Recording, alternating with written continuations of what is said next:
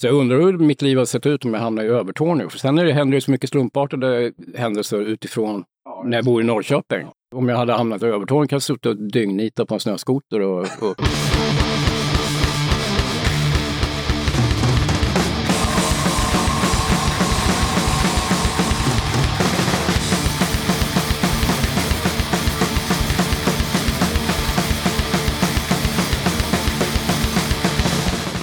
Tjena! Varmt välkommen till avsnitt 145 av Döda katten Podcast. Den här gången tar jag med ett snack med punkprofilen Kraschmange som har varit med i scenen i drygt 40 år. Det blev ett roligt och intressant snack om allt möjligt från att eh, göra fanzines, släppa skivor, samla på skivor och Manges konstnärliga sida och en hel del annat. Innan jag rullar igång snacket med Mange så blir det såklart lite tips och musik. Men eh, allra först så påminner jag om att du som lyssnar på katten, du får jättegärna stötta mitt arbete med podden via Patreon eller genom att köpa Döda kattens merch. Mer information om Patreon och hur du gör för att köpa Döda kattens merch kommer i slutet av avsnittet.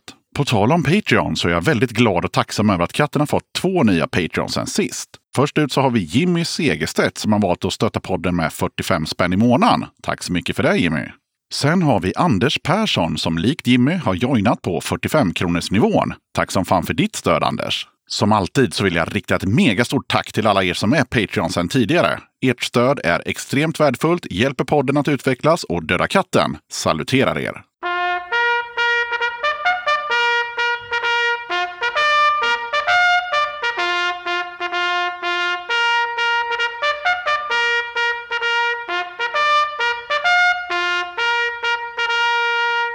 Ebba skriver att vi är ett nytt metalband som heter Hur mår björnen? Vi kör metal på svenska. Vi släppte våra första låtar på Spotify nyligen och eh, även en musikvideo på Youtube. Bandet består av Ebba på vokal, Erik på trummor, Simon på gitarr och Alexander på bas. Domesticated Riot som jag spelat i podden har släppt sin debut-LP.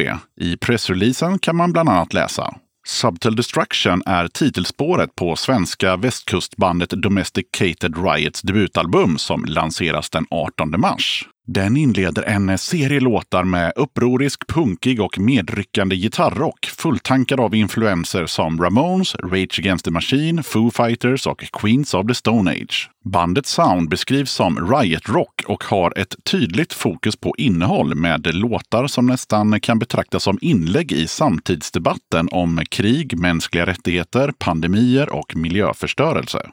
Johan tipsar om ett gig. På grund av dåvarande restriktioner var vi tvungna att flytta fram denna spelningen, men den här gången kan ingenting stoppa oss. Den 9 april kör vi och spelar gör Mögel, Sally and the Monkeys, Analrevolt och Skarabé i Mariebergsparken i Kinna. Biljetter kostar 150 spänn plus serviceavgift och säljs via biletto.se. Sök på Punkparken. Det blir en oförglömlig kväll med både ska, punk och könsrock i en härlig blandning. Mer info hittar du antingen på Facebook-eventet eller på Biletto. Spelningen arrangeras av Föreningen Musik Utan Gränser. Gabriel skriver att vi i Göteborgs djävulusiska rockpunkarsekt Satanic Overdrive vill informera om att vår debut kommer släppas via Majestic Mountain Records fredagen den 1 april. Håll ögonen öppna för releasefest. Vill du pusha för kommande gig, videos, böcker, fanzines eller liknande? Då är det bara att dra ett mejl till dodakatten gmail.com. Alfavrak har mejlat in till katten och skriver Här kommer Gehenna, jag vill brinna upp med dig. Dängan på våran nya femlåtas EP Lilla Oskan som finns ute nu.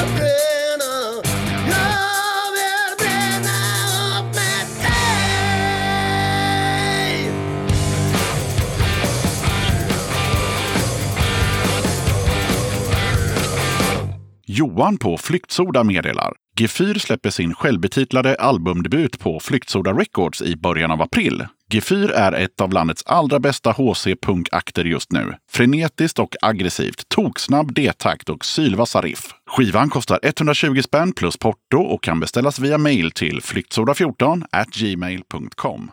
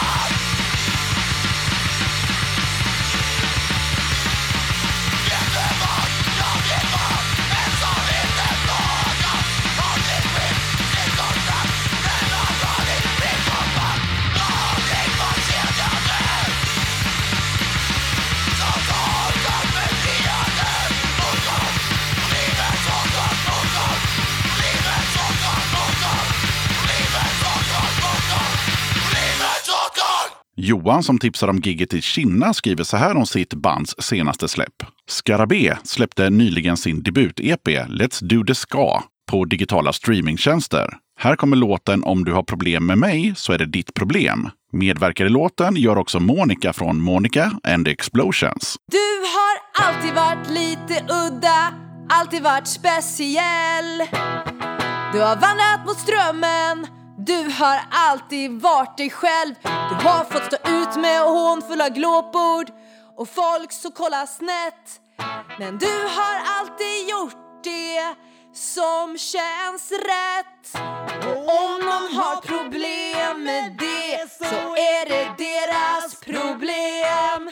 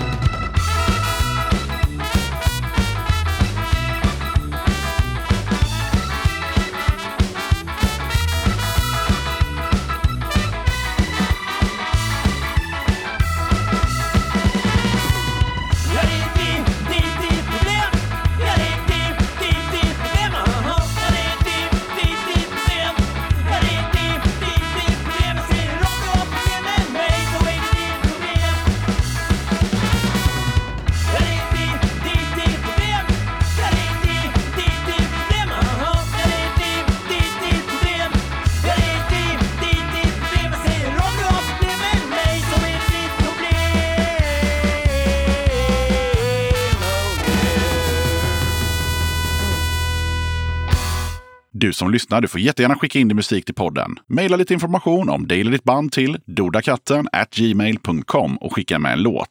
Skicka inte en länk till Spotify, Youtube, Bandcamp eller liknande streamingtjänster, utan jag måste få låten i WAV eller MP3-format i ett mejl. Använd gärna Google Drive, Sprand, WeTransfer, Dropbox och så vidare om din låt inte får plats i mejlet. Tänk också på att jag inte recenserar musik. Jag vill inte heller välja en av flera låtar, utan skicka med den låten som ni vill ha med, är ni snälla. För att jag ska spela låten i podden så måste musiken gå att koppla till punk och eller alternativscenen och bandet eller dess medlemmar får inte propagera för skitåsikter som nazism, rasism, anti-hbtq eller liknande dynga. Vill du eller ditt band, förening, sällskap eller liknande vara med som gäster i podden? Kul! Hör av dig till dodakatten gmail.com så tar vi det därifrån. Okej, jag som gör den här podden kallas Yxan. Avsnittets gäst är Kraschmange. Och nu rullar vi bandet.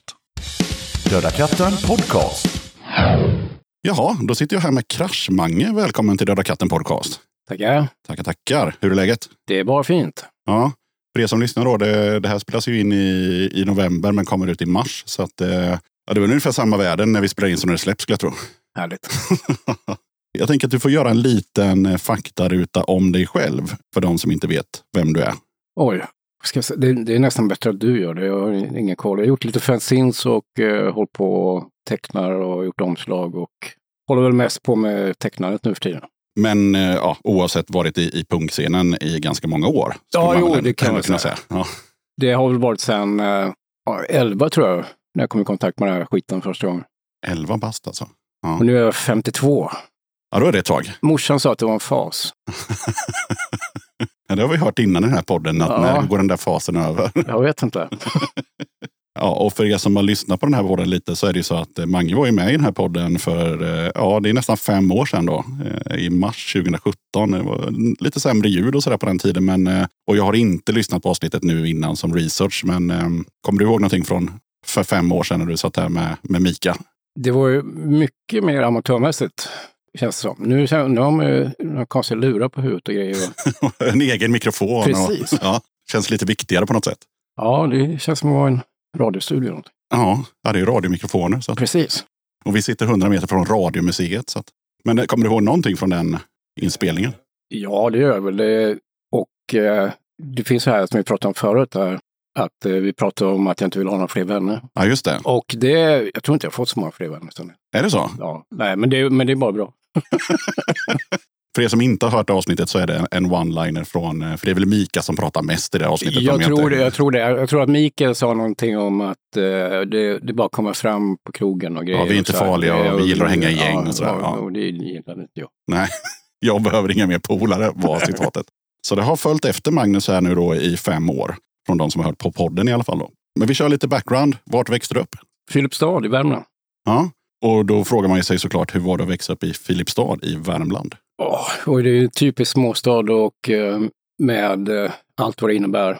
Med, alla vet vem alla är och eh, så vidare.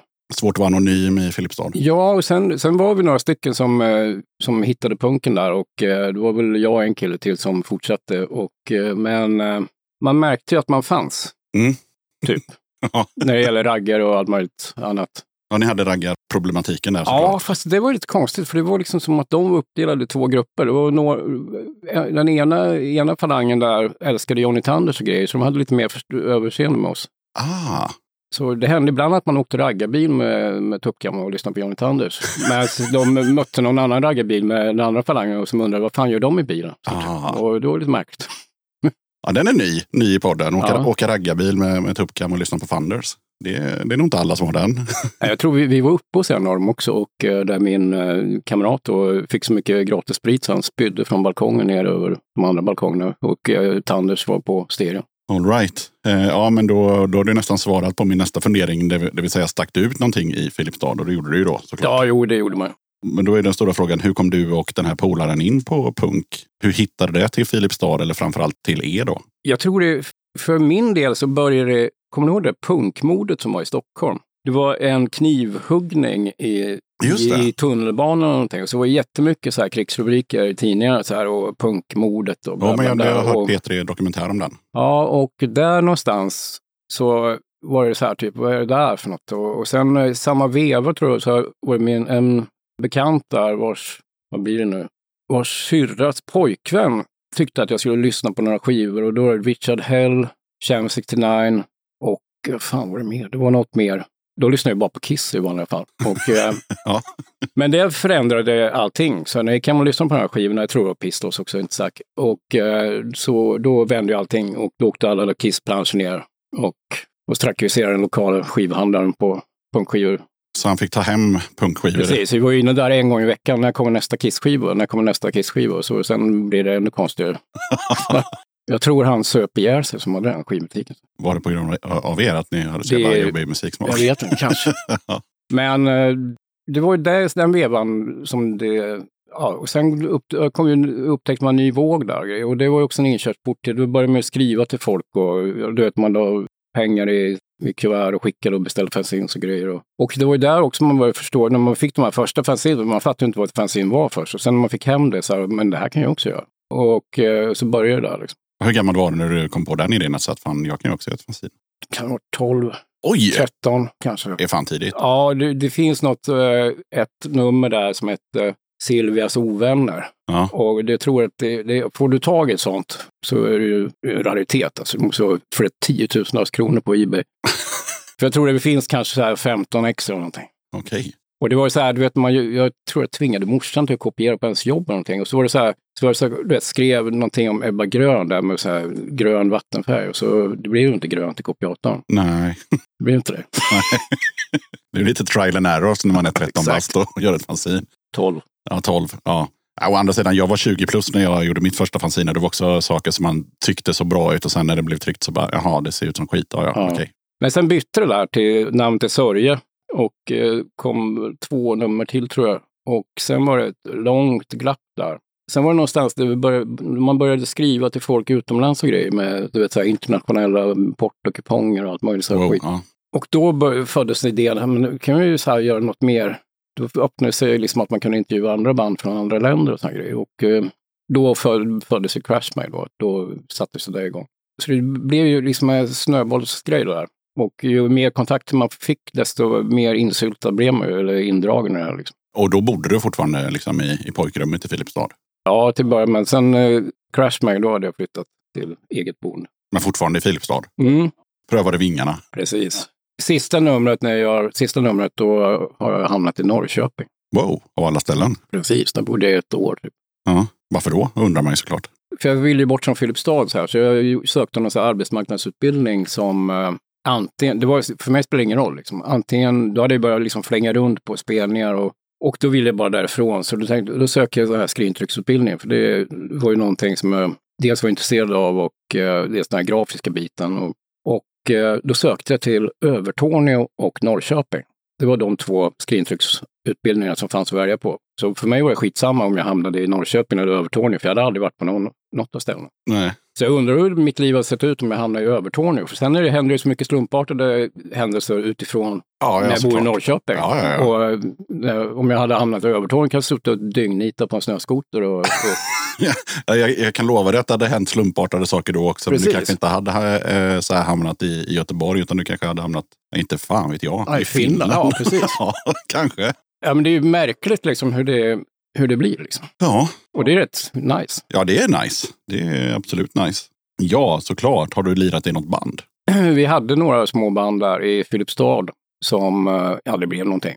Men eh, Du var ändå med och lirade någonting? Ja, spelade bas. Mm. Och eh, vi hade väl något projekt där, en snubbe från Kristinehamn som heter Roffe, som eh, då var med och lirade. Och sen hade vi med Pyri från Avskum på, och repade några gånger. Mhm. Och då började det låta riktigt bra. Som, eller ja, det, det, det var nog bättre, eller ja, bättre eller någonsin hade låtit. Det är ju tack vare Pyret, eller helt plötsligt trummorna bra. Sen flyttade jag till eh, Norrköping, så då rann det ut i sanden. Och det, ja, det var, jag tror inte det var så seriöst då heller. Liksom, jag vet inte. Nej, och du har inte plockat upp basen efter det? Nej, det är snarare pennorna som har tagit över faktiskt.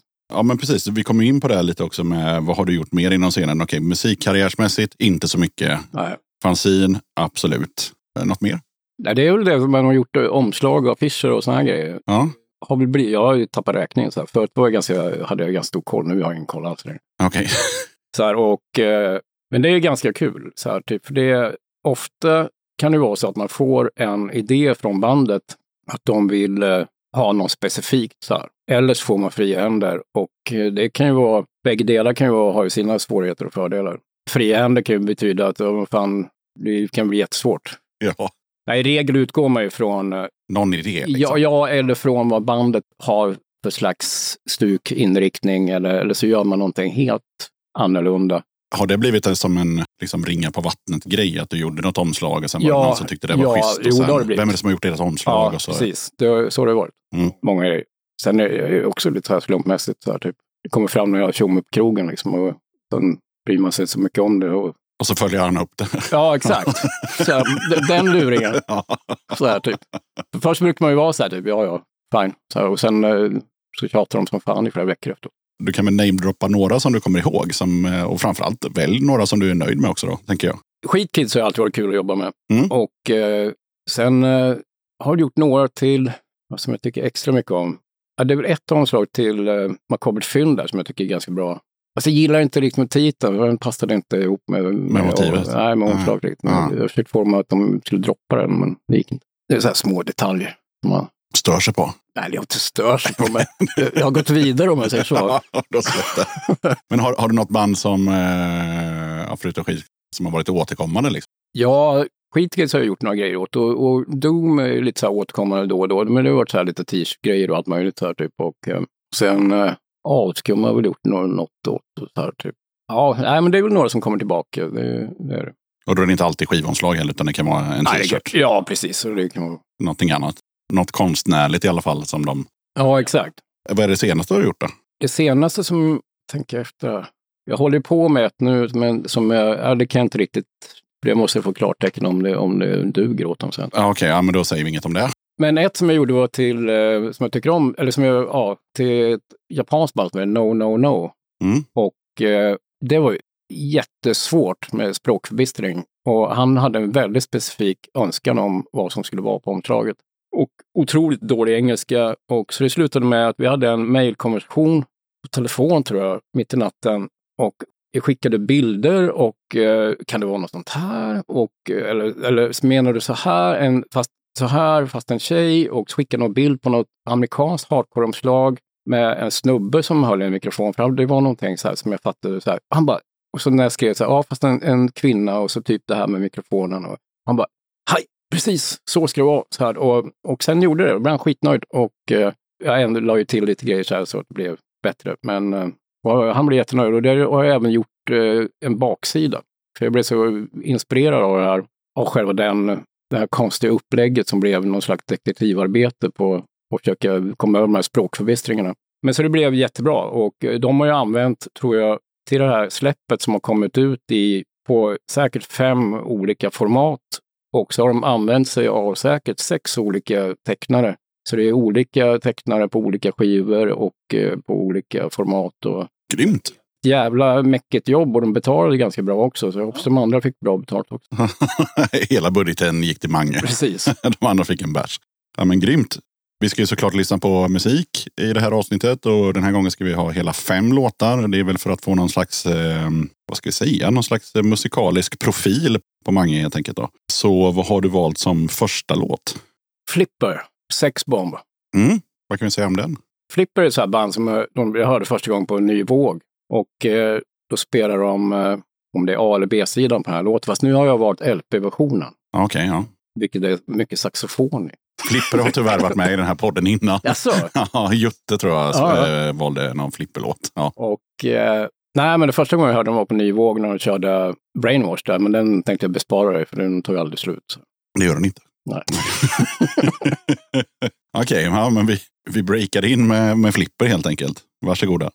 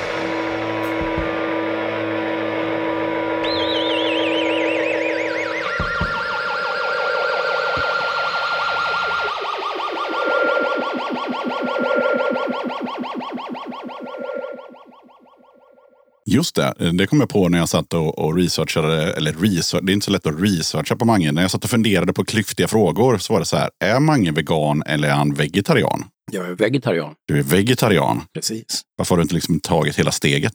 Ja, du, det är en bra fråga. Ja. Jag vet inte, det är nog, eh, det är nog den där ostbiten som spökar tror jag. Det brukar vara det, säger de. Ja, fast det börjar ju bli bättre och bättre faktiskt. Så det kanske inte... Kan hända. Alltså det är inte aktuellt just nu. Nej. ja, du menar att veganostar har blivit bättre Ja, helt precis. enkelt? Ja. Men var det punken som fick dig att bli vegetarian eller var det bara så här att du kände att nej, vad fan? Nej, jag tror att i punksvängen där så kom det också mycket djurrättsaktivism och grejer som, eh, så det ena ledde till det andra ganska omgående. Lite så sömlöst. Ja, nästan. precis. Det, bara, det gick hand det, liksom, det kändes liksom logiskt på något vis. Bodde du hemma då fortfarande och dina föräldrar tyckte du var krånglig och de fick laga två maträtter? Nej, jag tror att jag flyttade hemifrån ganska tidigt, så här 16, 17 här typ. Och eh, så det blev aldrig något problem. Nej. Men då på den tiden så var ju inte utbudet som idag. Nej, Då fanns det ju, vad hette det där märket? Tartax. Eller Tartax. Ja, det fanns ju också. Det är det enda jag kommer ihåg Men, från, eh, från 90-talet. Var Det att fanns, det fanns ju några sojakorvar i burk, konservburk, som Ah. smakade sågspån typ. Så här. Och Nutana hette det. Ah, okej. Men vet, deras biffar var goda i alla fall. Ja. Men annars var det ju inte så spännande. Jag vet när de kom till England första gången och så, och så var det så här typ, men fan, de har ju allt. Liksom kunde man köpa väggburgare precis var som helst. Och låg steget före. Precis. Ja, för jag kan tänka mig just sådär, ja, om man rände runt på spelningar, förutom i England då bevisligen, men i Sverige kanske. Alltså jag har varit på en spelning i England på lite senare tid och det fanns, det fanns väggburgare att köpa, men det enda. Men det, men det enda de hade på var HP-sås. Fanns inga andra. Burgare, bröd HP-sås. Bara, Va? Men jag tänkte så här, om, om, om, man skulle, ja, om man var ute och flängde liksom på 90-talet, man kanske skulle åka till Stockholm på någon spelning och sådär. Liksom, jag kan tänka mig, det, måste ju bara blivit så här pommes frites. Ja, eller så här, Man ska stanna på vägen. Liksom, så här. bröd och eh, ja, någon, Men det är bättre nu med andra ord. det är bättre. Jaha. Jag tänker vi river av plåstret eh, redan nu med, med den här obligatoriska frågan. Och jag har ingen aning om vad du sa förra gången, Mange. Du sa säkert något skitsmart. Men då bryr vi oss inte om. Det har gått fem år. Det kanske har ändrats. Vem vet? Vad betyder punk för dig? Oj. Ja, för mig så har det ju, nu är inte punk, känns inte så jävla relevant för mig längre. Eftersom man, man har ju varit i det här så länge. Men, men rent krasset så är det ju bara liksom att man ska, typ, det, det är ju någon slags do it yourself-grej som är viktigt. Och eh, just den här kreativa biten är, en stor del för min del. Men det är inte säkert det behöver vara för andra. Men, men jag tror det här, det här liksom acceptansen för det som är lite udda och sticker ut tror jag nog är, skulle behövas kanske lite folk i punksvängen tänka till lite nu också. För det, jag tycker att eh, ibland så är punken liksom så eh, icke-inkluderande utan den är liksom så stel och fyrkantig kan jag tycka. Så eh, nej, men så här, punk är för mig, det, är väl liksom, det kan ju vara allt möjligt. Det kan ju vara liksom, eh, du behöver inte, man behöver inte liksom, det är mycket attityd också. Och sen, eh, men just det här liksom, allt som sticker ut i ett samhälle, allting som är liksom udda, liksom, det behöver man liksom bejaka det. Och det är inte alltid att punken är så jävla udda längre tycker jag. Nej, absolut inte. Jag kan hålla med dig. Vad är punk? Det, det är inte så... Det, det är, jag tror att det handlar om att, att vara sig själv. Det är en klyscha, men det, det är liksom... Det är ju den biten som är viktigast. Tror jag. Ja, men det var ju som vi sa inledningsvis här, det var ju tydligen en fas och den har ju pågått i 40 år. Så då, då, då kanske det inte är så mycket fas utan då är det mer bara en del av Ja, men det blir, ja, exakt. Det blir ju en del av ens liv på något vis. Det är, sen reflekterar man ju kanske inte så mycket upp över det ofta för saker, saker och ting man gör som kanske sticker ut i andras ögon. För, för min del så kanske inte det, jag ju på ögonbrynsbröd. För mig är det liksom så normalt. Liksom. Mm som min flickvän sa när vi var i New York. För jag skulle leta reda på någon jävla skivaffär som låg långt, långt ut i Brooklyn i något latinområde där. Hon märkte ju att folk stirrade på oss. Vi var de enda vita som var där. Liksom. Och jag märker ju inte det. Eftersom jag är så van vid att folk alltid stirrat på mig för jag sett annorlunda ut. Och eh, så för mig var det ju så här, jag märker inte det. Och då blir det ju att man ser ut som att man hör hemma. Eftersom man liksom är, rör sig precis som, man är inte nervös, man är inte spänd, man är inte så här. Och det, det är väl en fördel i sig. Fast man kanske blir dum i huvudet och inte märker farorna. ja, nej, men det tror jag inte. Jag, Nej, tror, jag men- tror att du kan märka av faror ändå. Men, nej, men, det, jag men det, fattar är vad du ganska, menar. det är med- ganska intressant, eller det blir Ja. ganska kul. Liksom, så här, typ. För min flickvän och Tatte, hon var så här, märker du inte? Ja, men nej, vadå? Så här, de, folk bara glor så här. De, de är, så här Ja. det, är bara, det är bara lilla jag som är ute och går i Brooklyn. Nej, men det roliga är att man, nu när du sa det, för vi, jag och min flickvän pratade om, om en annan sak som har med utseende att göra i morse. Och det var att eh, jag sa till henne att det var en jävla tur att jag köpte spårvagnsbiljett så på mobilen i torsdags. Mm. För jag brukar åka bil i vanliga fall till jobbet, men eh, jag skulle ut på galej. Så att jag köpte en spårvagnsbiljett. Och eh, mycket riktigt så, så kom det några kontrollanter när jag började närma mig Gamla stan. Och det var ingen fara, för jag hade ju köpt en biljett. Men samtidigt så har jag köpt biljett varenda gång jag åkt till och från den här podden. För jag orkar inte sitta och noja över det. För er som lyssnar så är det så att jag först åker spårvagn och sen åker man en båt. Nu har de jävlarna börjat kolla på båten också. De har det? Ja, Dexman kollar. oj, ibland. oj, Nu oj. gjorde han inte det nu, men när jag var ute och åkte med jobbet så, här så kom han och kollade. Ah, Men äh, då, konstigt, då sa han till innan i högtalaren, nu kommer jag snart titta på biljetten. Jag bara, va? va? ja, men de har ju också sådana flaggor där det står betalresa, gratisresa. Nej men i alla fall, och då, då fick jag ju visa och så var det lugnt. Men, men eh, däremot då när jag åkt till och från den här podden så har jag alltid köpt eh, biljett och eh, det har kommit på kontrollanter flera gånger Och aldrig kollat det. och aldrig kollat Då blir mig. man förbannad. Ja, och då kom ju hon på att så här kan det vara så att det har med utseende att göra. För när jag åker till och från den här podden, då har jag ju privata kläder på mig. Alltså typ nitväst och sådana saker. När jag åker till jobbet så har jag ju inte det. Ja. Alltså, det brukar ju vara tvärtom, att de går på... Ja, men inte i mitt fall. Nej. Det är 100 procent Kan ha tvärtom. med din storlek att göra kanske. Ja, kanske.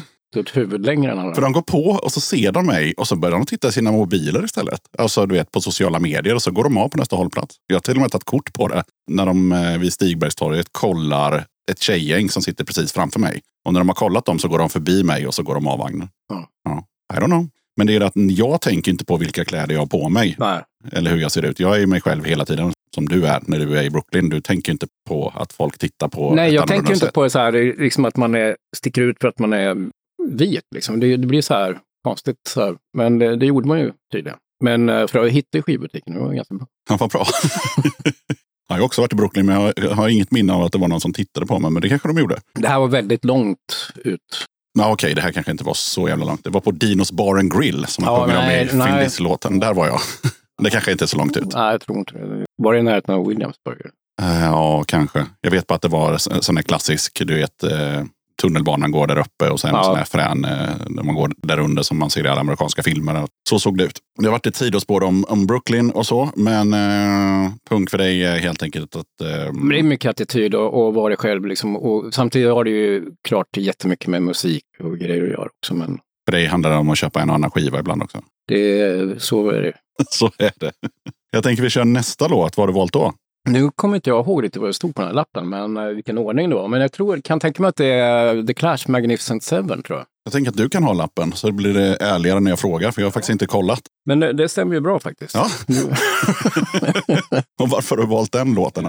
Nej, men det är så här typ, Clash är ju ett stort favoritband. Det var ju väldigt roligt att du spelade Clash precis när jag kom in här också. Och just den här låten, nu kommer vi tillbaka till mina teckningar igen, för jag har ju så här lite projekt, eller litet, det tar aldrig slut tror jag. Så här, för jag gör bilder utifrån den här texten. Jaha. Och den här texten är ganska lång och det, Hjortström har ju använt någon cut-up-teknik där, så det, det är liksom som små bilder i, man kan plocka ut bilder ur hela texten och eh, göra ja, bilder av. Och, eh, eller så, så fick jag någon dum idé att eh, det här kan jag ju sysselsätta mig med när jag inte har någonting att göra eller kommer på någonting. Och eh, så har det blivit det. Nu, jag vet inte hur många jag är uppe i, men det är säkert snart tio i alla fall. Och Finns mer att hämta i texten. Absolut, och sen eh, det är ju någon slags disco-funk-låt. Jaha. Sen har det blivit, på något konstigt så har jag alltid gillat den och den har jag tror jag sex olika pressningar på. Nödvändigt. Åh, herregud. Okej, vad, vad heter låten? Magnificent Seven. Snyggt. Den kommer här. Varsågoda. The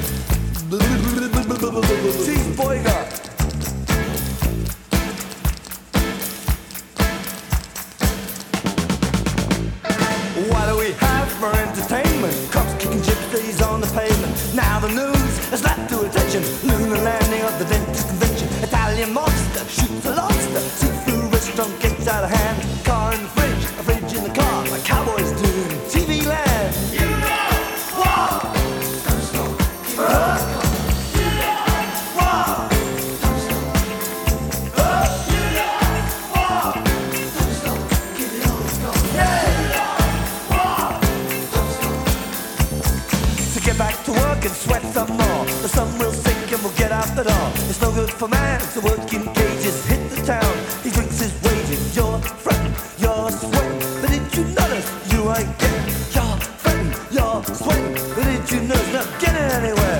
Don't you ever stop long enough to start? Take your car out of that gear. Don't you ever stop long enough to start? Get your car out of that gear. Call them up, a fire at Engels came to the jacket at the 7-Eleven. Marx was good, but he had.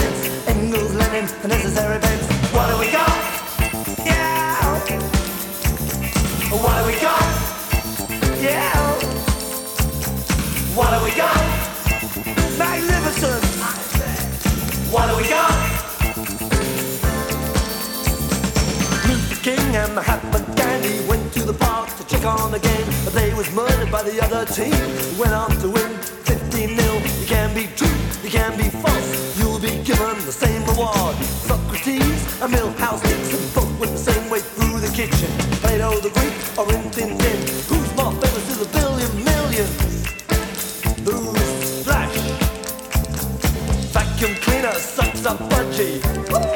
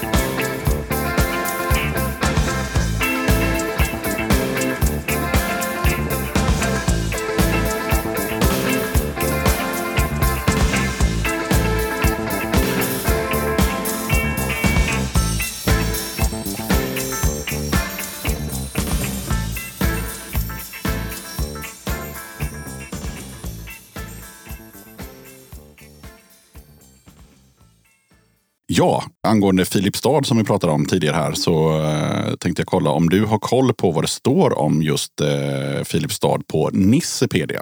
Nej, det har jag inte. Då står det så här. Vad som däremot är riktigt jävla konstigt det är att Magnus Kraschmange, upphovsman till fanzinet Crashmag, och en uppsjö av omslag till svenska kängsläpp genom åren icke åminns i trakten med någon form av utstickande landmärke. Ett kopparplakat på en parkbänk är väl inte för mycket begärt, Filipstads kommun. Just det, det där har jag nog svagt minne av att jag sett några gånger.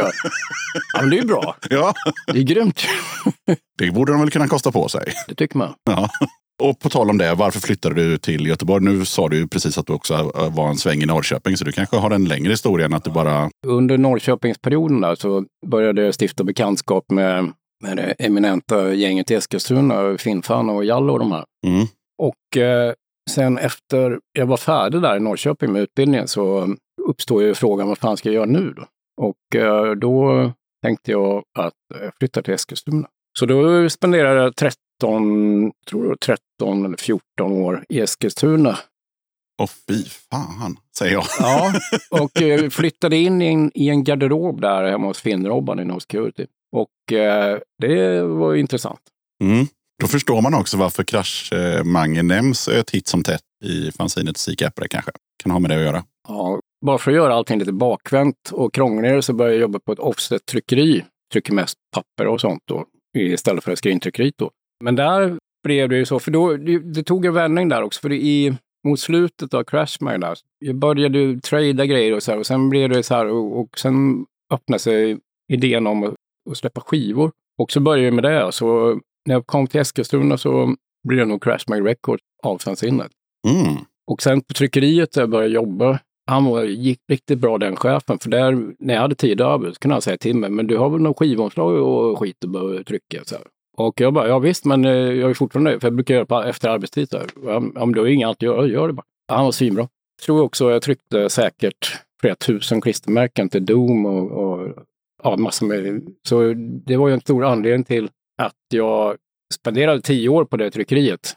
Och eh, att man fick eh, ja, tillgång till att använda tryckpressarna lite som jag ville. Bevisligen. Så det var nice. ja. Sen var det mycket skit där i Eskilstuna med folk som tog livet av sig och grejer. Det var ganska, det blev ju liksom all det här äh, grejen, attityden, allt det skit och allt det. Det var ju helt uppenbart att vissa inte klarar av det. Och eh, så det blev ju, hela den biten ju rätt mörk till slut.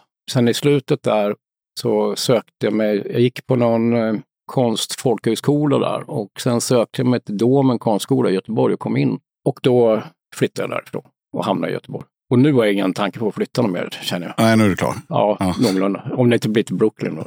Ja, precis. Ja, ja, vi hade faktiskt kunnat eh, teoretiskt sprungit på varandra där. För på den tiden, eh, då bodde jag i Tranås och så hade jag en eh, flickvän som fan för mig att hon pluggade i Eskilstuna. Men jag har för mig, var inte du, var det då du höll på med Backlash eller Banka Bäl? Jajamän, jajamän. Och eh, för jag har för mig att, eh, var inte du uppe där och hälsade du på finnen då? Nej, inte finnen, men eh, jag var hälsade på ja, flickvännen då som, som bodde där.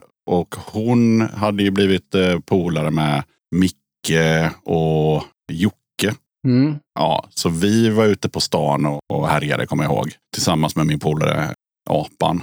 Det jag kommer ihåg mest var att eh, jag för mig att det var någon sån Chronic Decay 7 som precis hade kommit Ja, ut. precis. Den där ja. Och sen så var det pizzakrig. Det var pizza för noll och ingenting liksom. Ja, det kostar ju fan ingenting. Det var så här 19 spänn och Ja. grejer. Ja, det kommer jag ihåg. Det var helt lysande. Ja. Jag vet eh, Micke där då, han eh, hade ju någon teori där på att han kunde, ja, om man åt pizza så här typ varje dag så skulle han kunna dra ner matkontot till, eh, ja, jag vet inte hur lite det skulle bli. ja, det var en rolig prick kan man lugnt Mm. säga. Ja, vi river på med musiken. Vi kan inte bara höra våra jävla röster. Så vad blir låt nummer tre? Låt nummer tre blir Stalin med 365. Säg mig ingenting, så embrace me. Ett eh, gammalt japanskt band som eh, är helt fantastiskt, eller var. Och eh, det är också blivit lite koppling till Eskilstuna, för det var där som jag började lyssna på japansk punk. Mhm. Och fick, eh, jag tror jag bytte till mig, ja det, var- ja, det var, nu kommer jag inte ihåg, men eh, jo, det var nog Rock in the Sweden, den Anarchy Rider, den singeln. Jag hade en här, typ 15x och de skulle man ju vilja ha haft kvar. Ja, det är klart. Men sen eh, nu är så här typ, japansk punk är något som jag lyssnar på väldigt mycket och älskar. Och det här är en av Stalins bästa låtar. Grymt. Ja, men då bara kör vi den. Varsågoda.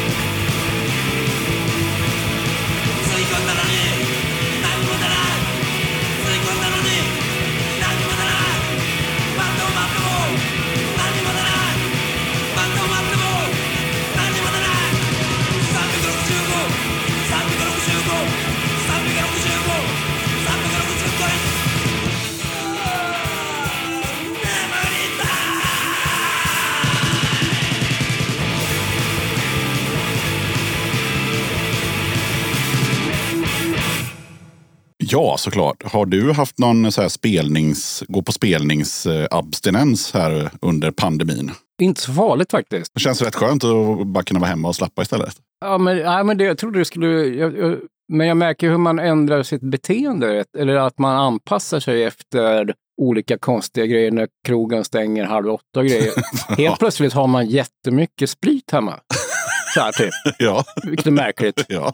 Så här, men det är också som har klingat av nu. Men, men man märkte att man, hur man anpassar sig jävligt fort till olika förutsättningar. Liksom. ja. Och nu är det inte bara sprit. Men, Nej, nej, men men samtidigt blev det här med spelningarna så här, nu när de har kommit igång igen. Jag har ju min son varannan vecka, så det har fallit sig så jävla dumt.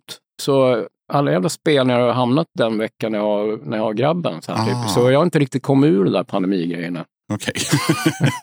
Nej, jag har inte varit på så jävla mycket spelningar heller sen, det- sen det lättare kan jag säga. Men eh, några stycken i alla fall. Ja. Och, och, och det har varit eh, ganska skönt. Sådär. Men jag håller med dig, man anpassade sig fort. Liksom sådär med att, ja, men så här, när krogen stängde åtta till exempel, då var det så här, okej, men om jag vill gå på krogen nu och sluta fyra, då är det så här, ja men eh, jag får duscha på lunchen och sen så får jag liksom springa Exakt, dit. man, man, man skyndade sig från jobbet. Så här, Ja. typ.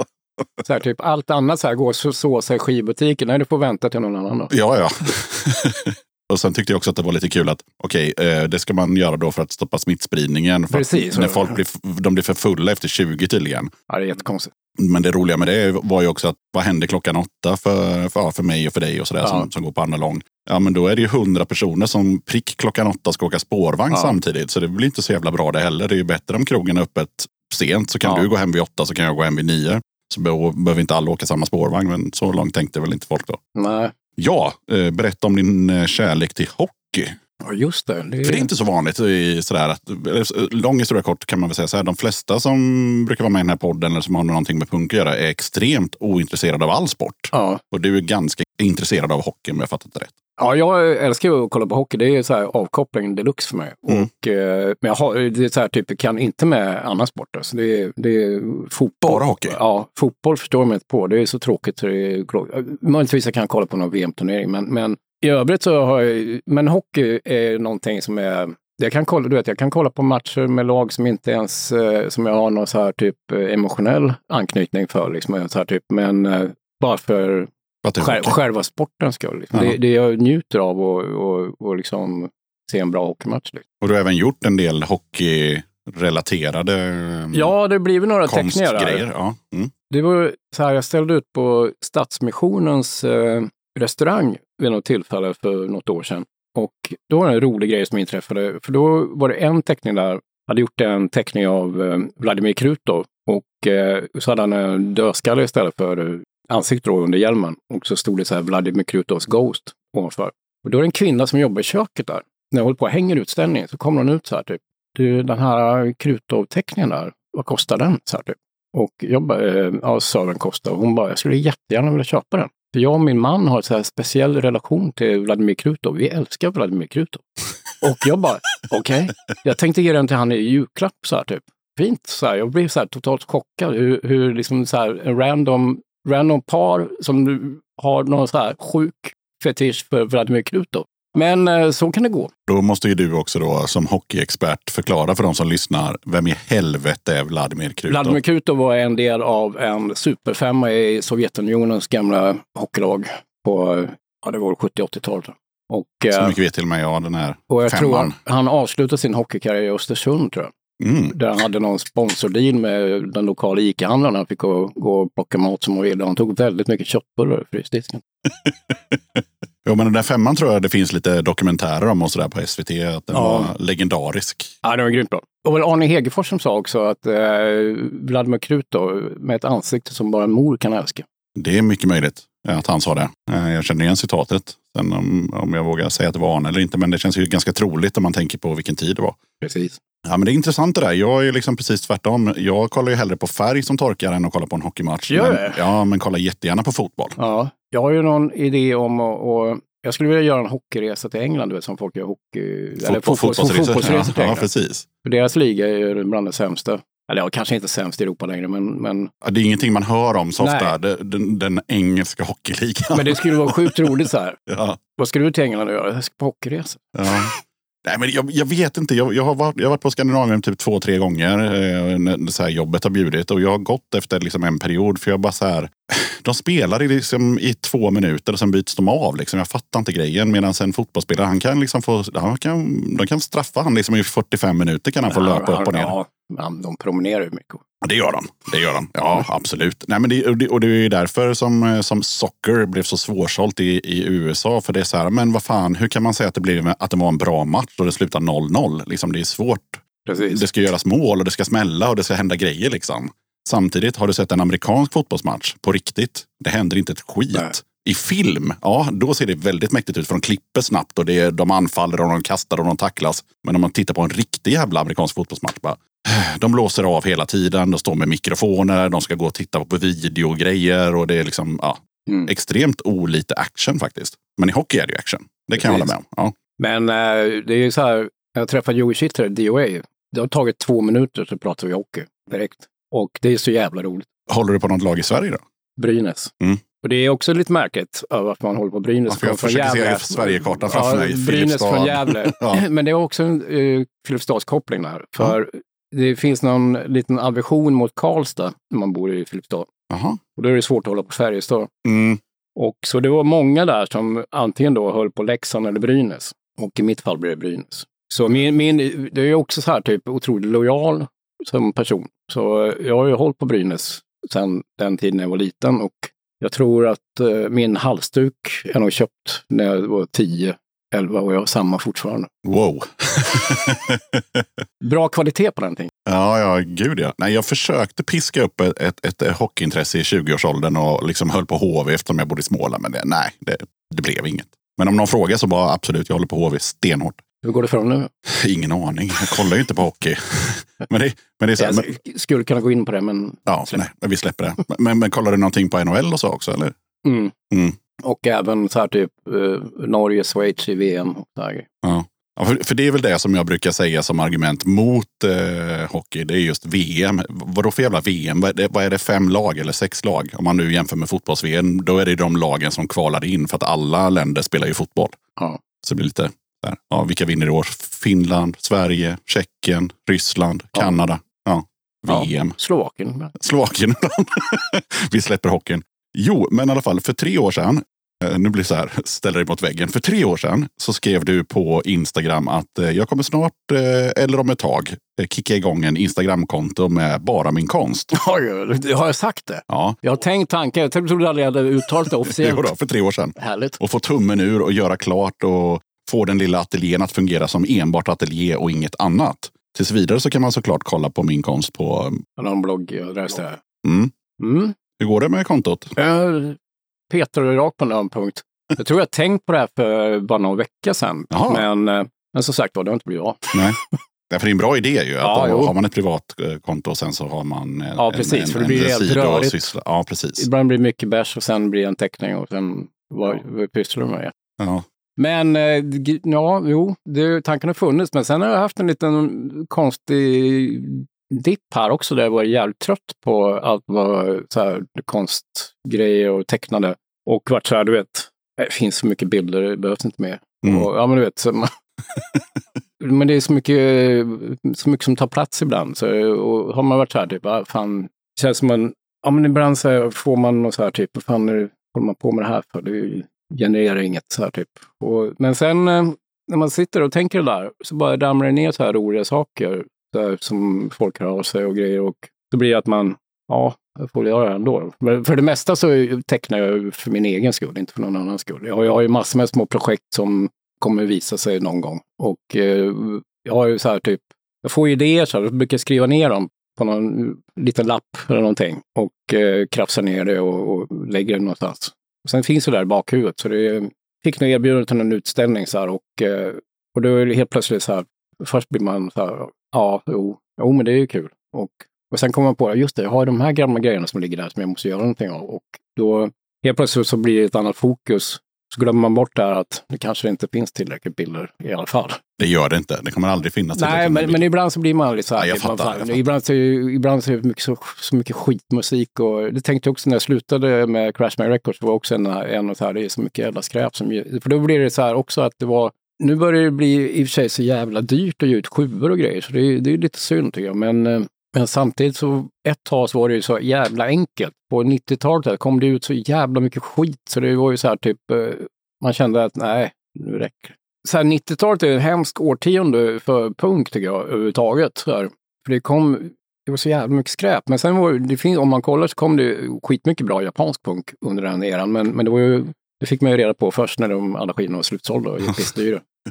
Men samtidigt var det ju också så här, det, det är liksom, ibland funderar man på om, ja, punk ska ju vara så här, liksom att man, ja, skitsamma, vi bara gör det så här typ. Men samtidigt så var det så här, det var ju allting rätt likadant. Liksom. Det är då det blir liksom så här, nå, så här vad ska jag köpa det här för? Eller varför, det är inte ens intressant. Och, och så är det väl idag också. Liksom, ja, det, att- för det, det finns ju en tendens här att det, det tydligaste var ju, ja men när Tragedy blev som populär. Ja, gud ja. Och när helt plötsligt skulle varenda jävla band låta som Tragedy och de spenderade så här typ månader och månader i replokalen för att, för att skapa det perfekta ljudet och, och sen innan de vågar spela någonting. Och, och så låter det som en klon. Liksom, här. Och visst, det finns ju massor med sådana också, Discharge och allt möjligt. Så här. Men, men samtidigt så blir det blir så tydligt så att helt plötsligt så är det någon som, så här, något som blir populärt som dikterar tonen och så ska det komma 20 klonband. Och, Jo, eller fast jag tänker också så. har Det väl kanske alltid varit. Jo, det kanske det är. Men, för, för men, jag tänker som nu, så här, um, eller nu för några år sedan, alla skulle låta som masshysteri helt jo, plötsligt. men om Och man tänker på tidiga svenska punkvården, tidigt 80-tal, så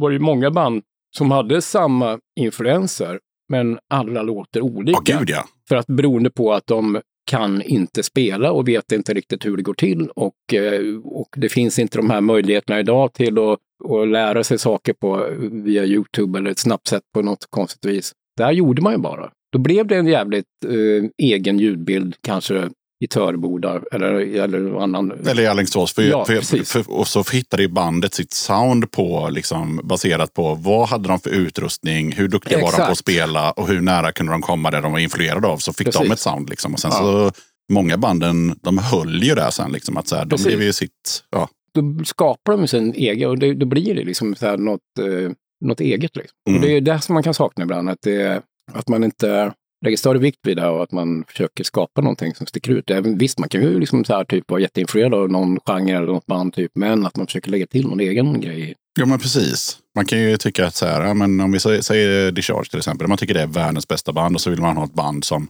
som liksom, ja, men man, vill, man vill skapa ett kängband till exempel. Då. Då kan det vara en bra idé om man så här går in i replokalen och så bara, ja fast vi ska ju inte låta som dem. Vi gillar dem, men vi ska ju låta som oss. Så vi Ja. måste liksom hitta på ett sound som vi tycker är gött och som är skönt att spela och som kanske någon gillar. Liksom. Men det blir mycket kopior, det blir det. Ja, det är det som är tråkigt, men, men så är det inom all konst tror jag. Det, det blir ju så här, folk tittar lite för mycket omkring sig. Eller, Ja, men det är så här, man ska, skriva min första bok och så har jag läst lite för mycket Bukowski. Ja, exakt. Ska du skriva en bok? Nej, jag ska absolut inte skriva en bok. Men om jag hade skrivit en bok i 20-årsåldern så hade den ju varit en svensk version av Bukowski. Ja. Absolut. För det var det typ det enda jag läste. Ja. Jag tror att jag hade uppskattat det idag igen. För jag har inte läst... eh, Nej, jag har inte läst dem på jättelänge heller, så, men jag, ja, nej, jag tror man skulle uppskatta det nu också. Jag kommer att med jävligt mycket när jag Ja. läste eh, de här böckerna. Så det har ni tips, ni som inte har eller läst Bukowski, ni som lyssnar. Det ska ni göra. Ni kan väl börja med Postverket eller något sånt där. Så, så kommer det bli bra. Döda katten podcast. Jag passar på att hoppa in här lite snabbt för att berätta att du har möjlighet att stötta Döda katten om du tycker att det jag gör är bra och att du vill höra fler avsnitt. Döda katten sträcker ut en hand för att få hjälp med att fortsätta leverera avsnitt om punk och alternativscenen med regelbundenhet. Att driva Döda katten Podcast medför kostnader i form av ljudhotellshyra, porto, teknik, domännamn, program, inköp av merch, resor och en hel del annat. Om du vill hjälpa podden ekonomiskt så är det ovärderligt. Det hjälper mig att driva podcasten men även utveckla innehållet, dels gällande gäster men även ljudkvalitetmässigt. Du måste absolut inte vara en Patreon för att kunna lyssna på podden. Döda katten kommer alltid att vara gratis för dig som lyssnar. Men om du kan tänka dig att månadsvis bidra med några kronor så kommer ditt stöd verkligen att uppskattas. Jag gör inte podden för att tjäna pengar. Jag gör det för kärleken till punken, för alla möten med härliga människor och framförallt för er som lyssnar. Eran feedback är den största anledningen till att jag fortsätter. Kika gärna in på patreon.com dodakatten. Länkar till kattens Patreon-sida hittar du på Döda Kattens Instagram, Facebook, Twitter och eh, på dödakatten.se.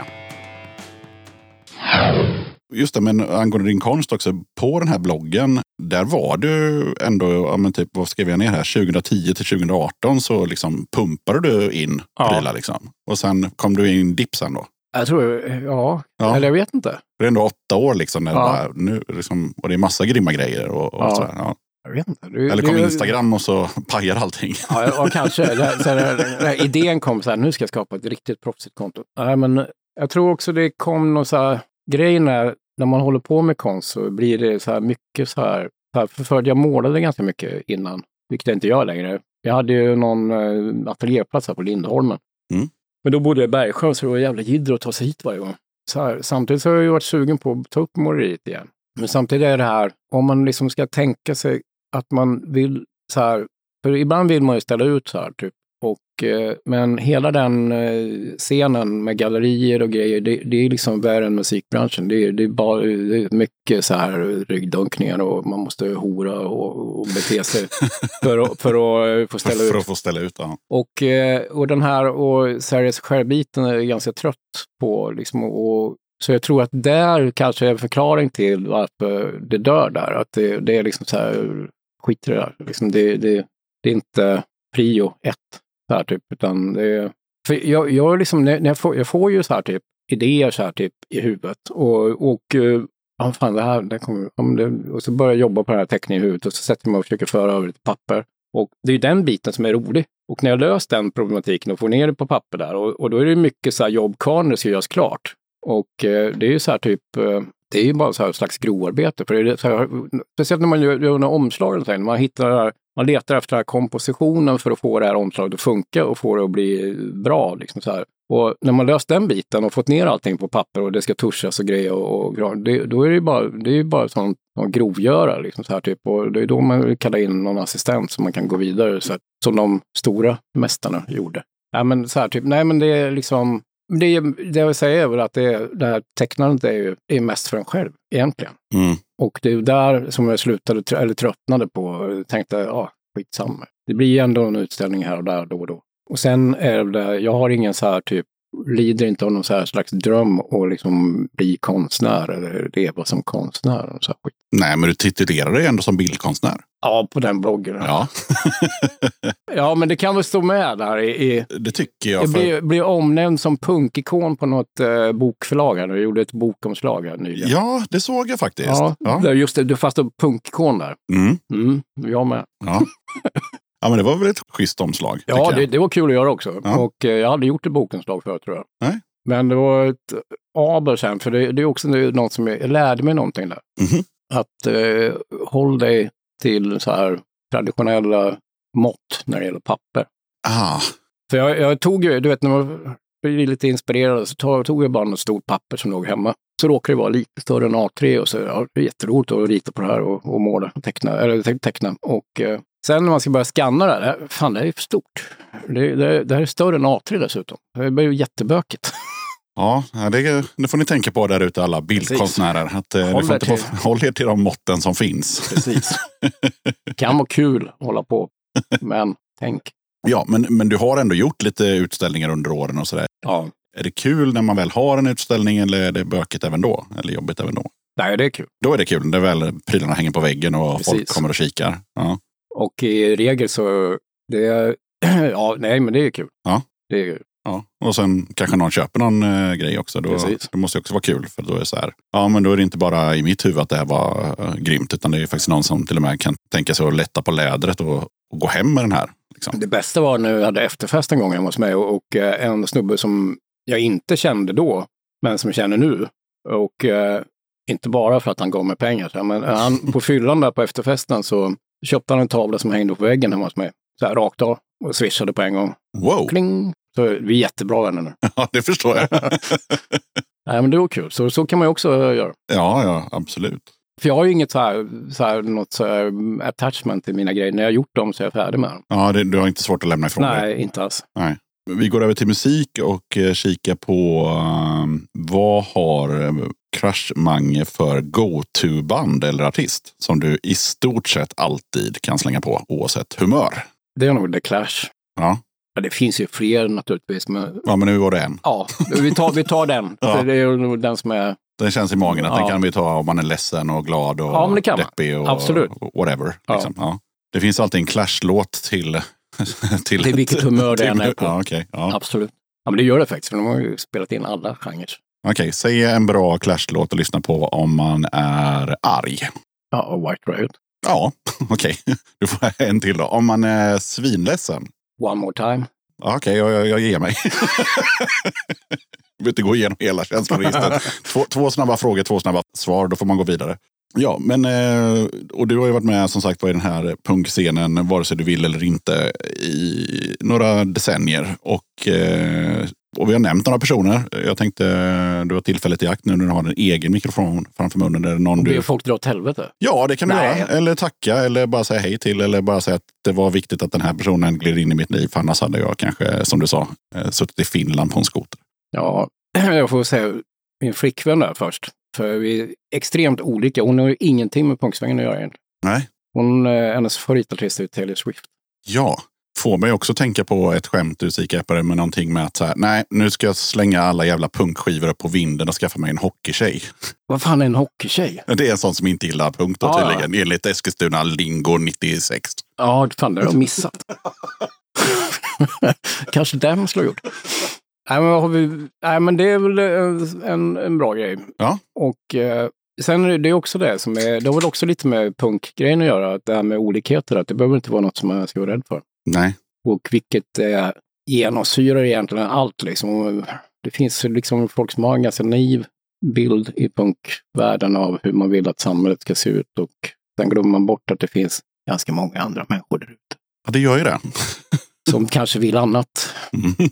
Nej, men eh, mer människor. Och Top of mind-människor, tänker man. I punksvängen. Ja, för dig. Som har varit eh, liksom, betydelsefulla på något sätt. Eller är betydelsefulla. Det finns ju massor där, men det, det är ju, man har ju några så här eh, fasta eh, så här typ vänner som hela tiden hänger med. Liksom. Det, är, det är ju Domar, Mika, Lasse och lite annat löst folk. Mm. Och sen vill du inte ha några nya polare så då blir det ju de Nej, fyra. exakt. Det, det blir ju dem. Precis. Och det räcker ju. Ja. Men det är ju så här typ, eh, man vet ju, eller ja, så här, det, det är ju alltid ett gäng där som är, ja, det finns ju fler liksom. Det finns ju, ja men det, är- det är massor kvar. Förr var det ju, eller nu är det ju så att folk är ju kvar i punksvängen också. Och, eh, eller kommer tillbaks. Det är många som helt Gör plötsligt... comeback. Ja, precis. De borde man ju reta lite. ja, var var de någonstans? Ja, exakt. Var det var det, tråkiga 90-talet när vi härdade ut. Ja. De här hundåren. Ja, exakt. Ja, då byggdes det trall och Ja, det här... ja, precis.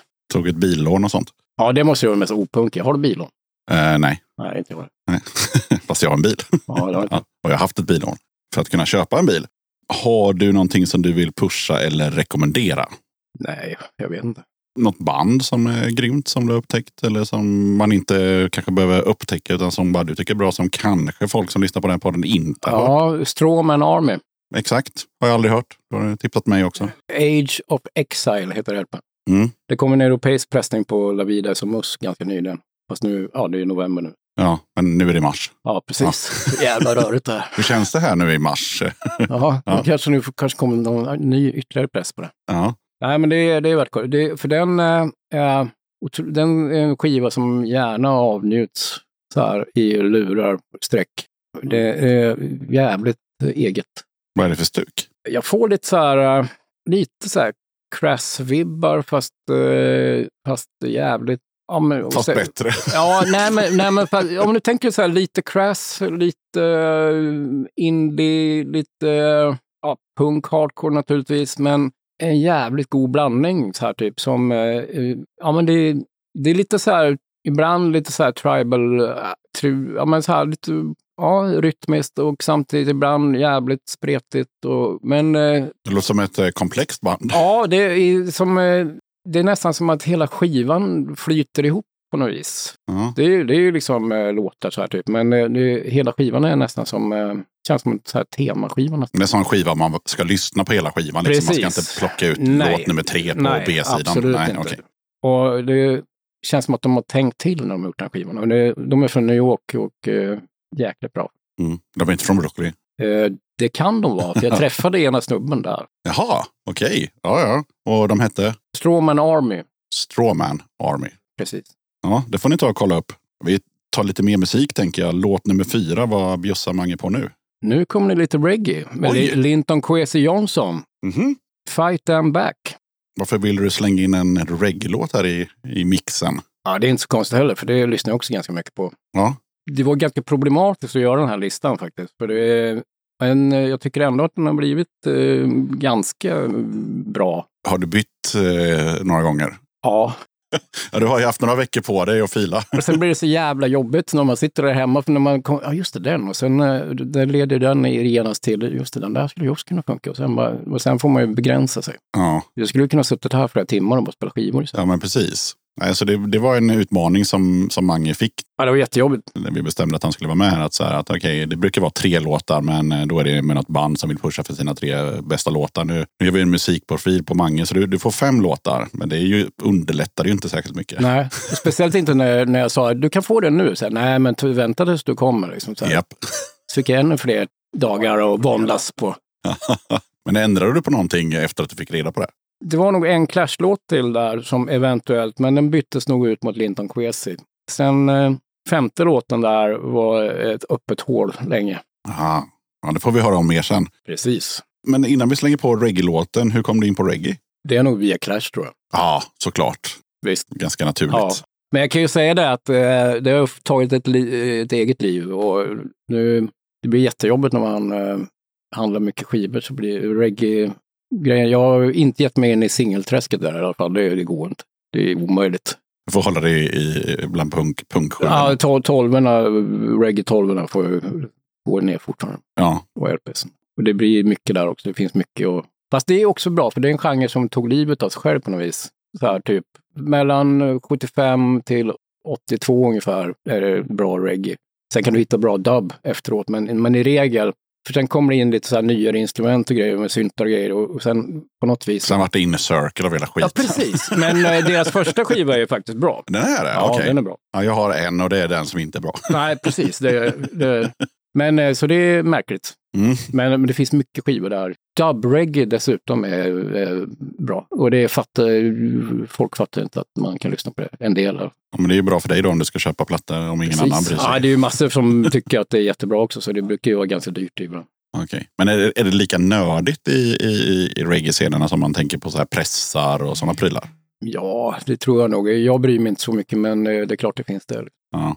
Men i punkscenen, är du, där bryr du dig? Alltså på plattor med pressar hit och dit och ditten och datten? Inte när det gäller allt, Nej. men så här typ så någon, ja, för någon vecka sedan så hittade jag någon Clash 12 så här, och, och då var det så här, men den här har jag väl. Och så var det, åh, Kanadapressning, det har jag inte. Då köper man ju den naturligtvis, även om den är exakt likadan som, Som de andra ja. ja. Jo, men det såg jag också på ditt Instagram att du var jätteglad för att du hade fått någon så här Clash VHS. Som man bara så här, ja, Ja, det kan är man fint. också vara glad över. men det betyder att du har en VHS-spelare eller var du bara glad över att ha den? Eh, Jag har faktiskt ingen VHS längre. Nej, Den står som ett, eh, som ett objekt. Monument. Ja, Ja, precis. ja. Från försvunnen tid. ja, du kan få min om du vill. Jag har den i källaren.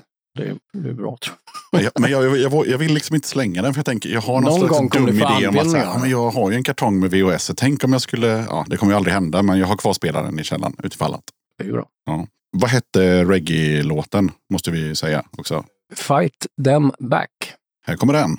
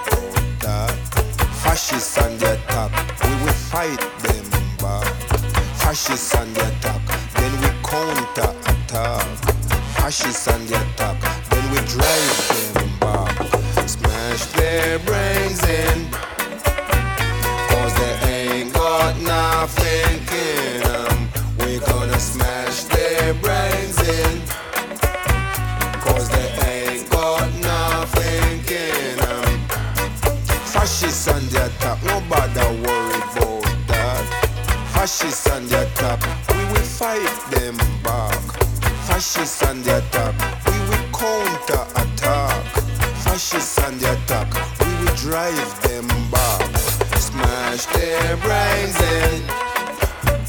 Cause they ain't got nothing in them. We gonna smash their brains in. Cause they ain't got nothing in them. Some of them say them a nigga hater. And some of them say them a black beater. And some of them say them a black star bar.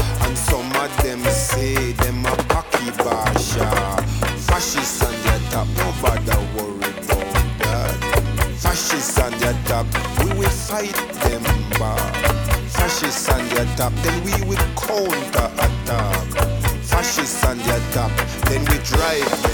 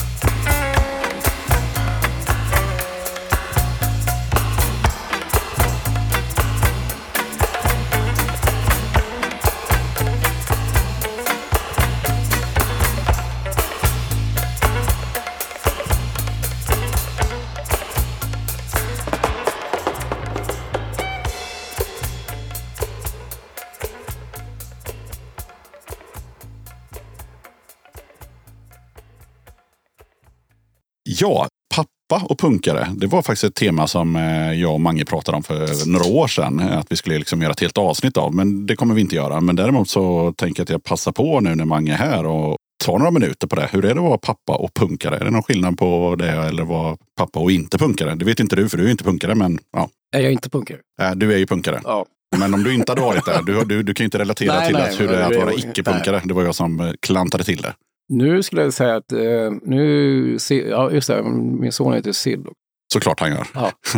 Men eh, jag kan ju säga så här att det, när han var liten och man gick omkring med barnvagn och så här och grejer, när man ja, gick där med spretigt hår och, och skinnpaj och eh, ja, och gör det som man gör när man har små barn. Liksom. Och då, var det, då kunde man få det här, oftast från eh, lite äldre kvinnor som la huvudet på sned och eh, tyckte det var lite gulligt.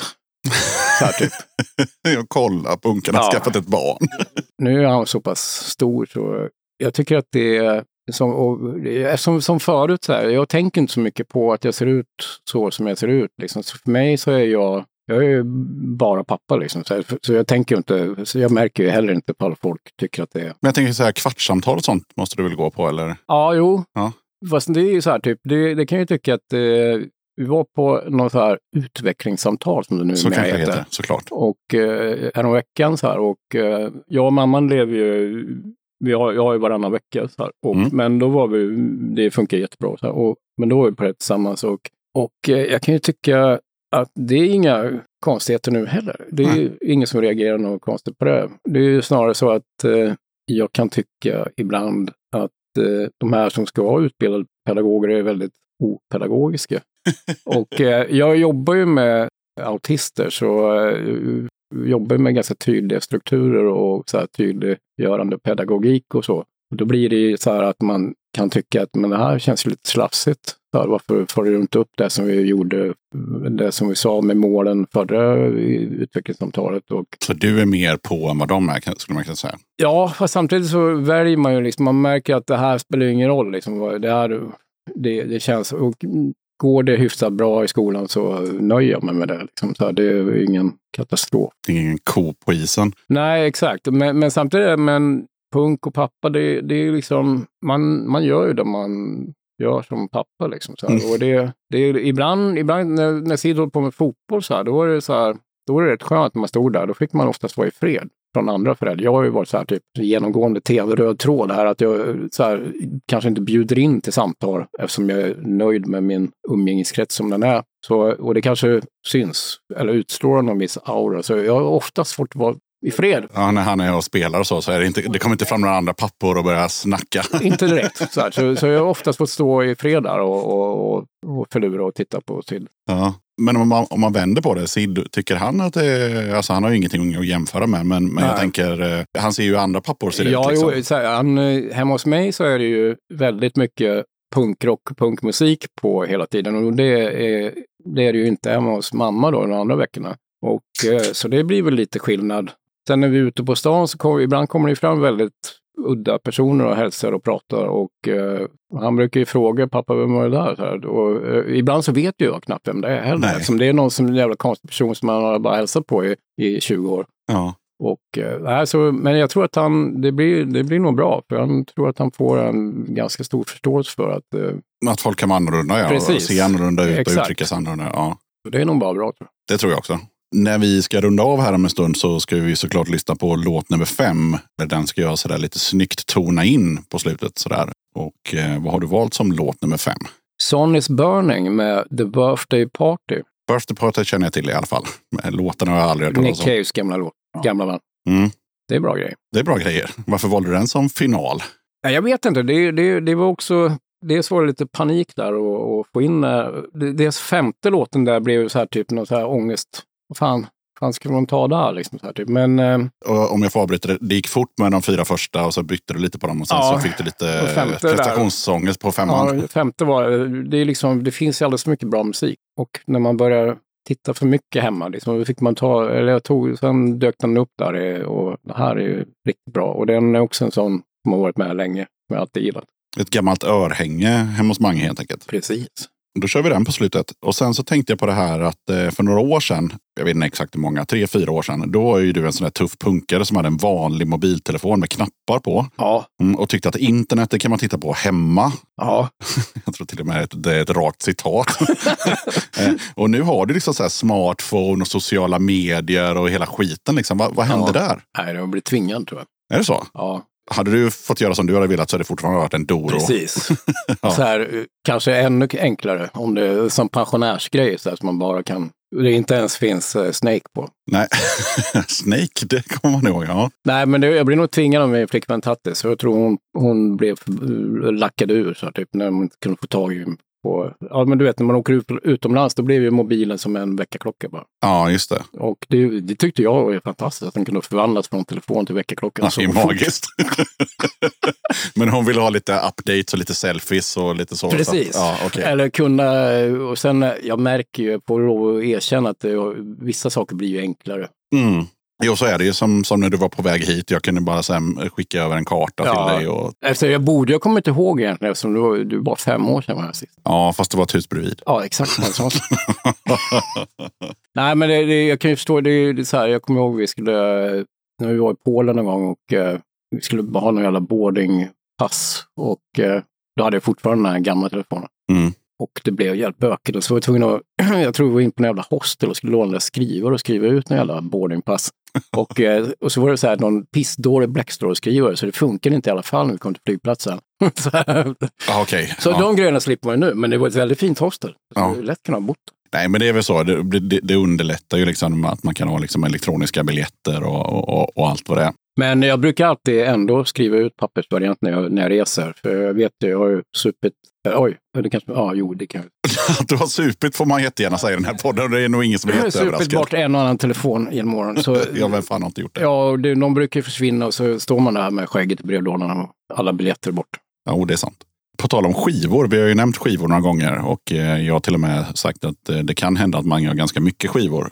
Har du eller behöver du ens ha Spotify? Nej, jag har inte Spotify. Nej, för du har så mycket skivor så det känns helt onödigt. Och i regel så, allting finns ju inte där. Nej, det gör det säkert inte. Det finns nog ganska mycket däremot. Ja. Men, ja. Men det är ju så här typ, nej jag har aldrig känt behovet av. Eller, eller det tar emot. Ja. Eller det är så här, lyssna på musik på datorn är ju bara helt meningslöst. ja, alltså det är ju sämre ljud Ja. eh, hur man än gör. Jag har ju en surfplatta kopplad till en... Du har säkert massa konstiga högtalare och grejer. Absolut inte. Jag har en helt vanlig surfplatta kopplad till en eh, 90-tals Technics som i sin tur är kopplad till ett par Bang Olufsen från 1987 som Ja, sitter på väggen. Där har du redan gått förbi. Ja, men det är en vanlig hifi-anläggning alltså som man hade Ja. långt innan internet. Det är bara det att jag har Spotify kopplat till den. Så att det är som att lyssna på Spotify på en stereo. Men ljudet är ju sämre. men ja, Ja, det kommer du aldrig ifrån. det blir inte på riktigt här. Du vänder ju aldrig skivan. Nej, man gör ju inte det. Men jag har ju en skivspelare också, givetvis. Men ibland kan det vara skönt så här, typ att ja, men jag slänger på den här plattan. Jag har den i skivbacken, men jag byter låt på mobilen. Alltså, man blir bekväm. Det är fel. Ja, det är fel. Nej, men sk- skivnörderiet där, eller det, det, är- det är någonting som jag gillar. Mm. Det är roligt. Får du plats med alla skivor? Eller måste du liksom flytta till större snart? Jag fick köpa till lite och sortera om och bygga om lite. Mm. Och, eh, men det, det finns lösningar fortfarande. Så att det är ingen panik. Nej, för jag hade ju, eller jag har, jag känner honom fortfarande. En kille som, eh, jag vet inte om han har flyttat, men tidigare så bodde han i alla fall i, i Kville. Och han hade ju liksom sängen i en vrå i sin tvåa. Och sen hade han liksom datorn i hallen eftersom hela hans vardagsrum är ju bara längor med skivor och VHSer. Och, ja, så det är liksom Ja. som att gå in i en butik där. Så det, det fick liksom ta över hela vardagsrummet. Liksom. Jag har varit hemma hos någon tjomme, kommer inte ihåg vem det var, men han hade Ja, det var, I köksskåpen fanns det skivor. Det fanns eh, skivor i hallen och, och det var liksom när du öppnade så här, städskrubben så det var också skivor. Så här, typ. Det, det var liksom, han hade utnyttjat så här, ja men här kan jag nog ställa så här gäng eh, singlar om jag tar bort den hyllan. då. så eh, det var inte mycket porslin, utan det var, fan skivor mer i köksskåpen än i köket. Ja, eller som en, en annan som jag inte heller kommer nämna vad han heter. När panten, när man inte kunde panta på bolaget längre. Förr i tiden kunde man ju faktiskt det, Ja. eh, panta vinare. Och han hade ju, ja, inte vet jag, runt tusen flaskor av samma sort hemma i köksskåp, i eh, garderober, i källaren, ja, överallt. Och en annan polare till mig fick eh, hyra ett släp då, de här sista dagarna på bolaget. Så backa in på, på baksidan med runt typ tusen, eller ja, jag skulle gissa på runt tusen eh, flaskor körsbärsvin. Finns det kvar? Ja, jag tror... Jag har eller glöm- jag har fan glömt bort. Inte fan. Jag tror inte det gör det. Det gör inte det kanske. Det finns Kanske någon var det den dansk, den här. Kirsan. Ja, men det här var precis. den här klassiska som Ja, hette körsbärsvin. Ja. Ja. Så den här killen, han, han köpte eh, två eller fyra sådana varje helg under hela 90 och hela 2000-talet. Så att Ja, det blir många flaskor. det blir många flaskor och så orkar han inte panta. Liksom, och så, ja. Det var en sidohistoria om det. Och ni som är yngre som lyssnar fattar inte vad vi pratar om. Men förr i tiden så kunde man faktiskt gå tillbaka med vinaren till bolaget och så fanns det liksom en liten snurrmaskin där man stoppade i så fick man pengar. I Eskilstuna köpte vi några folköl, några så här tyska eh, halvlitrar som var, kom någon kartongpackning eh, inplastade. Som var billiga och eh, effektiva. Och, men då var det någon tjomme som hade också en hel städskrubb full med sådana här, för han orkade inte gå ner till och kasta de här, det var ingen pant på dem. Mm. Men han, det slutade med att alla som kom till hans lägenhet med ett sånt sexpack, eller två eller tre eller hur många man hade, ja. de fick ta med sig dem tillbaka, eller ut. Så här, för han ville inte att, inga mer nu, det räcker. Så här typ. Så, här. så, så då, kom du dit med så här opantbara grejer, då fick du ta med dem ut därifrån. ja, men det är helt rätt. yes, eh, nej men då ska vi kolla hur grym Mange är på det här med musikquiz då. Det här är jag helt värdelös på, jag kommer få blackout på en gång, kan jag säga det direkt. Du kommer säkert bara ta sådana saker som jag borde veta. Nej, eh, och det blir inte så himla många heller för det blir tjatigt. Utan det blir tio låtar. Så att, Tio! ja. Och Det är ju skitmånga ju. Ja, ja. Nej, men eh, och jag fick lite, lite hjälp av, eh, av min flickvän här igår kväll. Så valde vi ut lite halvsvåra och svåra. Så vi, jag tror inte du kommer nolla i alla fall. Det tror jag inte. Tror inte det? Nej, Jag nej. tror jag. Men hur funkar det här? Ska jag bara säga... eh, Ja, då funkar det så att du, alltså, när du hör vad det är för låt så kan du bara säga det. Du måste inte höra hela låten utan du kan, eh, kan prata när du vill. Så får du ju två poäng max per låt. Så du kan ju teoretiskt få 20 poäng då på de här tio låtarna. Och jag tänkte att du, du borde få ihop åtta i alla fall så att du får lite Ja, priser. nu, nu satte du kravnivån jävligt Ja, det är liksom kravnivån. Åtta, Ja. åtta måste du få. Ja, det kommer jag aldrig få. Jo, det är klart du får. Ja, vi får se. Ja. Vi får se. Eh, Det jag kan ge dig som lite ledtråd eh, innan det är att det är både engelskt, det är svenskt, något amerikanskt kan det vara med också. Och det är lite både gammalt och nytt och det är både punk och inte punk. Mm. Mm, så det är ganska brett liksom. Det är inte så här tio låtar med brittisk punk. Det är det absolut inte. Vi kör första låten. Ja. Suspect device. Det gick fort. Det gick fort. Ja. I stiff. Little fingers. Stiff Little Fingers. Jajamän. Och låten hette?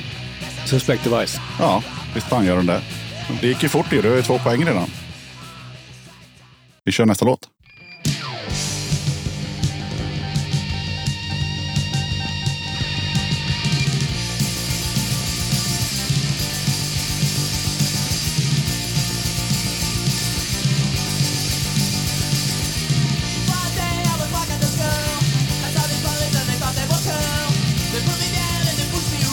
Dickies. Mm. Visst fan var det Dickies? Men låten vet fan. Nej, det är faktiskt min favoritlåt med Dickies. Det säger ju inte dig ett skit. Nej. Nej, men eh, den heter Give It Back. Ja, okej. Den är grym.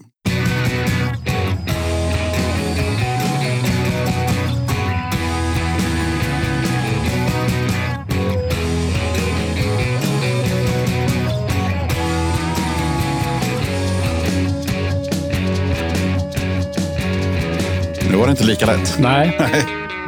Some people call me a beggar.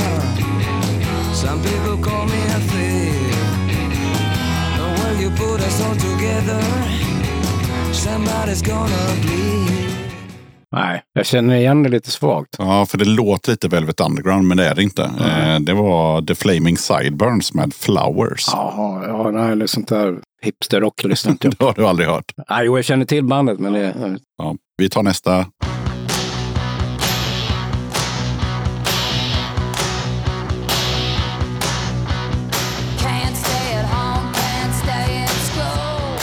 Runaways.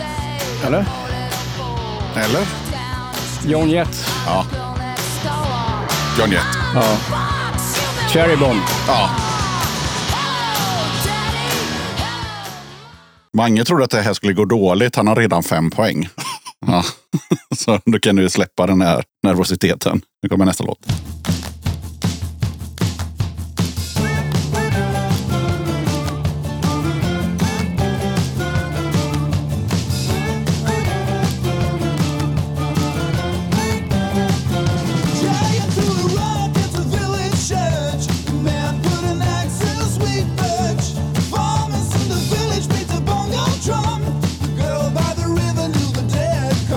Ingen aning.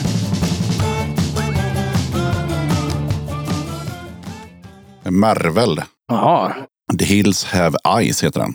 Jag tror också att det är Marvels mest spelade låt på det här forumet som du inte har, nämligen Spotify. Du, men det förklarar allt. Vi kör nästa låt.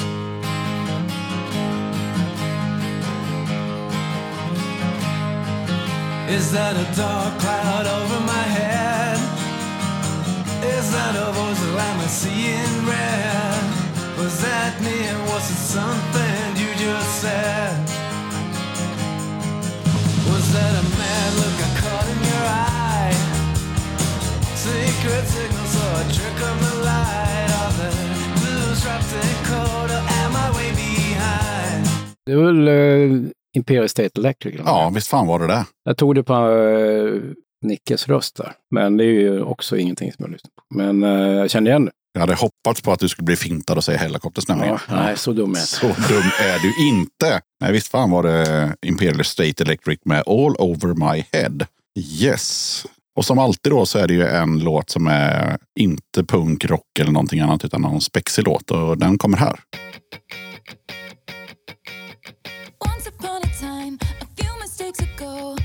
Är det Taylor Swift? Eller? Ja.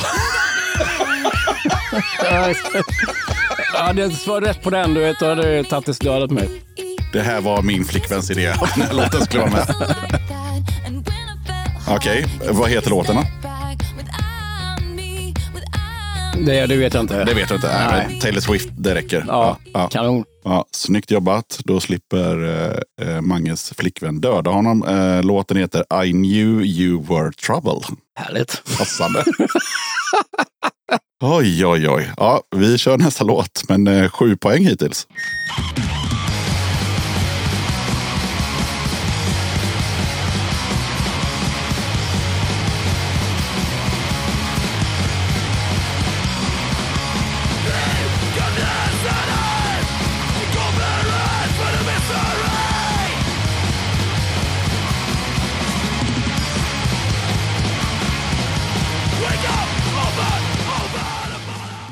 Vad fan heter det? Venice of Proxy eller någonting? Nej.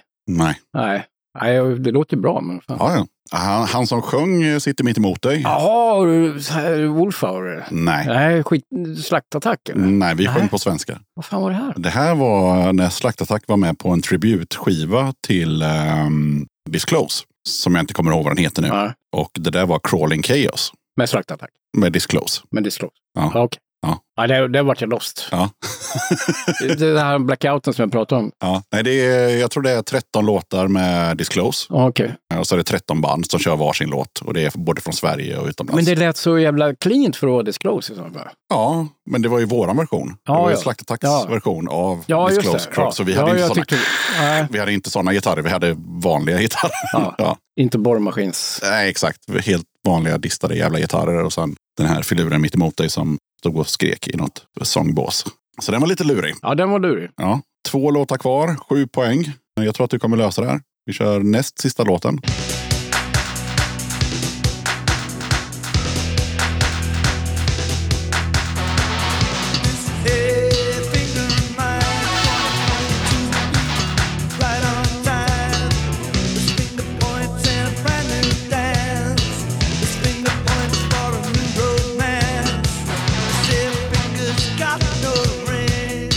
Ingen aning.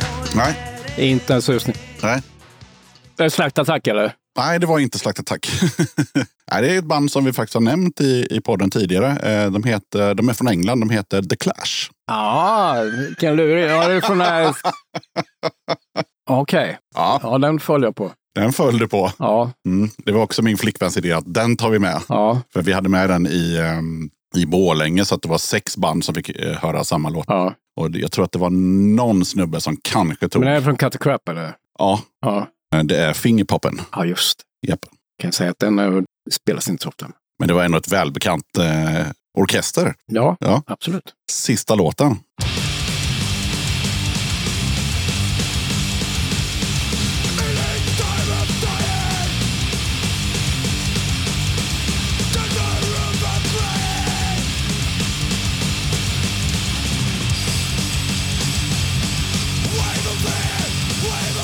Anticimex, Wave of Fear kanske? Fast det är säkert en cover. Eh, Det vart eh, en poäng så du fick ihop dina åtta. Eh, Men orkestern heter Wolfpack. Ja, Men låten heter Wave of Fear, absolut. det är nog bärsen som börjar sitt. Precis. Men vad du, du sa åtta och jag fick åtta. Ja, Det var ju bra. det var ju bra. Så då, då har du ju vunnit liksom. Ja, så nu blir det liksom massa pris här. Härligt. Yes, ska vi se. Först får du ett kuvert och i den så är det liksom patchar och pins och prylar. Och sen så får du en alldeles nytryckt tygkasse som eh, Nice. Oscar i Crutches har tryckt. Han är helt grym på det. Ja, han är ju duktig. Och sen så får du välja en, eh, någonting i den här påsen. Men herregud vad mycket konstiga saker. Ja, men det här är sånt som, man, som har skänkts i podden. Så det är liksom någon t-shirt och LP och sjuor och prylar. Ja, men då blir det en uh, Heavy Nukes där. Heavy Nukes. Det är bra grejer. Vad är det för något? för jag har inte hört det själv. Fan ska man säga? Det är lite, Jävla snyggt omslag. ja, lite skitslickersvarning i alla fall på det som jag har hört förut. Ja, okej. Ja, men snyggt. Då, då vart det Heavy Nukes helt enkelt. Ja du Mange, då har vi inte så mycket mer på agendan. Så att, eh, om inte du har något att säga så tänker jag att vi rundar av. Ja, det blir kanon. Det blir bra. Ja. Jag tackar Mange så mycket för att du ville vara med i Döda katten podcast. Tack själv Yxan. Ha det gött. Kanon.